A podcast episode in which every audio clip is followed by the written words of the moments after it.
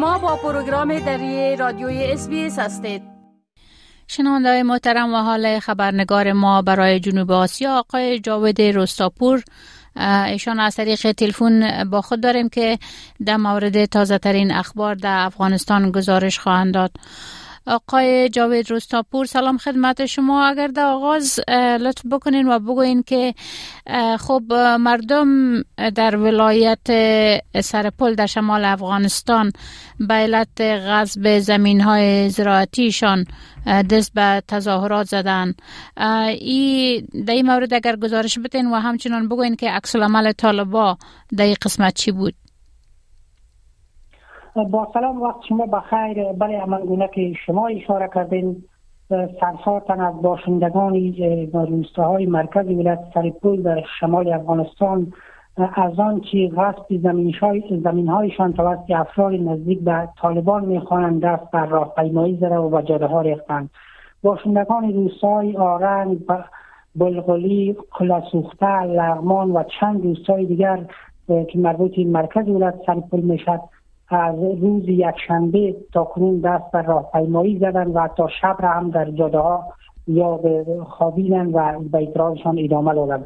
معترضان تاکیدشان است که زمین های پدریشان که از سوی افراد نزدیک به طالبان که از ولایت های میدان وردک و غزنی آمدن غصب شده و طالبان برای از یا اختار دادن که در ظرف یک هفته باید این منطقه را و زمین ها را به خانه هایشان هم رها کنند و زمین ها را به سایبان اصلیشان به گفته اینا طالبان یا سایبان اصلیشان می‌خوانم تسلیم کنند منابع و رسانه های محلی گفتن که طالبان گفتن که زمین ها در گذشته مربوط به افرادی روستای لغمانی بوده که در زمان ظاهرشاه آخرین شاه سابق افغانستان بر ریاضیات واگذار شده و یا اسناد دارن اما منابع محلی و ساکنان محل گفتن از سالیان سال در این منطقه یا بود باش دارن و در این زمین ها کشت زراعت می‌کنن و این زمین ها سند دارن و طالبان با زور و با قدرتی که دارن حالا می‌خوان این مردم را از این روستاها بکشونن.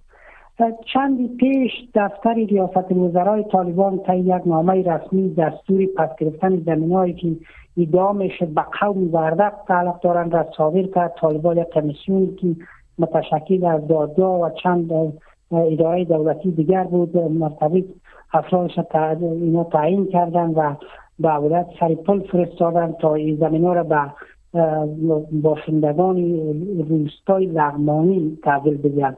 پیش از این هم در ولایت تخار طالبات چندین روستا را ساکنان اصلیش و خانه کوچاندن و خانه هایش را به افراد نزدیک به خودشان تحویل دادن به همین ترتیب هم در ولایت بلخ گزارش شده که مردم را از خانه هایشان کوچاندن و افراد نزدیک به طالبان خانه های مردم را غصب کردند. این مسئله تازگی ندارد در ولایات دیگر هم در پروان و کاپیسا هم همچنان گزارش شده که طالبا به کوچ اجباری مردم متوسل شدند و افراد بومی را از روستایشان کوچاندن و زمین ها و خانه هایشان را به افراد خود تحویل دادن که این مسئله واکنش های بسیار جدی هم در شبکه های اجتماعی از روز گذشته تا به حال در پی داشته است. بله تشکر. خب آقای روستاپور یک مسئله بسیار مهم دیگه انفجار شدید در تونل سالنگ بود که یک تعداد تلفات هم در قبال داشت. قسمی که گفته شده تونل سالنگ هنوز هم مزدود باقی مانده و تعداد تلفات هم نسبت به روز گذشته بلندتر رفته در این مورد چی اقدامات صورت گرفته؟ بله دقیقا بر بنیاد گزارش ها از روز یکشنبه به این طرف که در داخل تونل سالنگ یک موتری گاز انفجار کرد و سبب تلفات مسافرین شد تونل و گذرگاه سالنگ برای مسافرین که جنوب افغانستان و شمال وصل می‌کنن مسدود است و از روز گذشته تا کنون آمارهای زیگ و نقیزی در شبکه های اجتماعی و همچنان از طریق رسانه های محلی نشر می‌شد طالبان در ولایت پروان که سالان مربوط پروان است گزارش کردند که تا کنون یک نفر در این رویداد کشته شده و 75 نفر هم زخمی شده. اما منابع محلی به برخی رسانه ها گفتند که 150 نفر در این رویداد زخمی شده و اجساد 75 نفر هم از سالن به شهر چاریکار مرکز ولایت پروان انتقال داده شده. وضعیت در سالنگ بسیار نگران کننده است. بر بنیاد گزارش ها ده ها نفر در داخل تونل هنوز گیر ماندن و تعدادی اجسادی هم که به پروان انتقال داده شدند در شبکه های اجتماعی دست به دست میشه که اجساد سوختن و تعدادی هم که زخمی به دلیل گاز گرفتگی و دود در وضعیت بسیار وخیم قرار دارند. تونل سالند و در مجموع گذرگاه سالند در سالهای گذشته به این طرف وضعیتش خراب بود. به دلیل عبور و مروری وسایط نقلیه سنگین بار تخریب شده بود تیر اسفالتش از بین رفته بود داخل تونل هم وقتی فصل سرما می‌شد آب بند می‌شد. ولی پس از تسلط طالبان وضعیت گذرگاه به شدت در هم برهم شد. یعنی چیزی به نام جاده و سرک وجود نداره تنها یک نقشه است سالن حدودی 60 کیلومتر ولی 5 الی 7 ساعت وسایل به دلیل خرابی و ایجاده ای منطقه و ساعت اینا تایی می‌کنن که بسیار به آیستگی رانندگی می‌کنن و وضعیت خراب است. آنچه منابع معلی طالبان در پروان گفتن و آنچه در شبکه های اجتماعی نشر می‌شد چی از آمار تلفات چی از وضعیت در سالند است نقیب دارد. طالبان گفتن وضعیت تحت کنترل است اما منابع معلوم میگن که افرادی که طالبان و ایمان مسئول شورای سالنگ تعیین کردن اینا تخصص ندارن و وضعیت نمی‌توانند که ارزیابی و بررسی دقیق کنند. به همین دلیل اون فاجعه بسیار زیاد است و تعداد ده ها و امکان دارد صدها نفر هنوز شاید در داخل تونل در داخل میترا و وسایط نقلیه مانده باشند که تعداد تلفات به مراتب در روزهای آینده ممکن است بلند برود بله تشکر آقای روستاپور گزارشات روی دست است که یک هیئت از علمای پاکستان برای گفتگو با طالبان به افغانستان آمدن آیا معلومات در این مورد دارین که موضوع گفتگو یا علت این سفر گروپ علمای پاکستان به افغانستان چی است؟ نخست مقام های پاکستانی در چمن تایید کردم که یک هیئت چهار نفری از عالمان دینی این کشور به قندهار و کابل سفر کرده و با مقامات وزارت دفاع و دیگر مقامات طالبا گفتگو کرده است.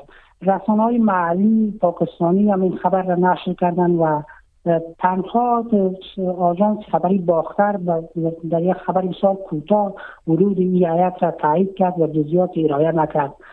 اما گفته می‌شد که بر بنیاد گفته های منابع آگاه تشنجای آخر در چمن سینگلگرد و نقاط مرزی که طالبا و پاکستانی ها داشتن سبب شده که آلمان دینی پاکستان و توافق حکومت پاکستان به کابل بیان و با مقام های طالبا گفتگو کنند تا تشنجات پایان پیدا کنند چون در ماه اخیر حداقل هفته یک روز بین نیروهای طالبان و نظامیان مرزی پاکستانی درگیری صورت گرفت این مسئله تا کنون گفته میشه 11 تن از نیروهای پاکستانی در درگیری ها کشته شده و بیش از 40 نفر دیگه هم زخمی شده.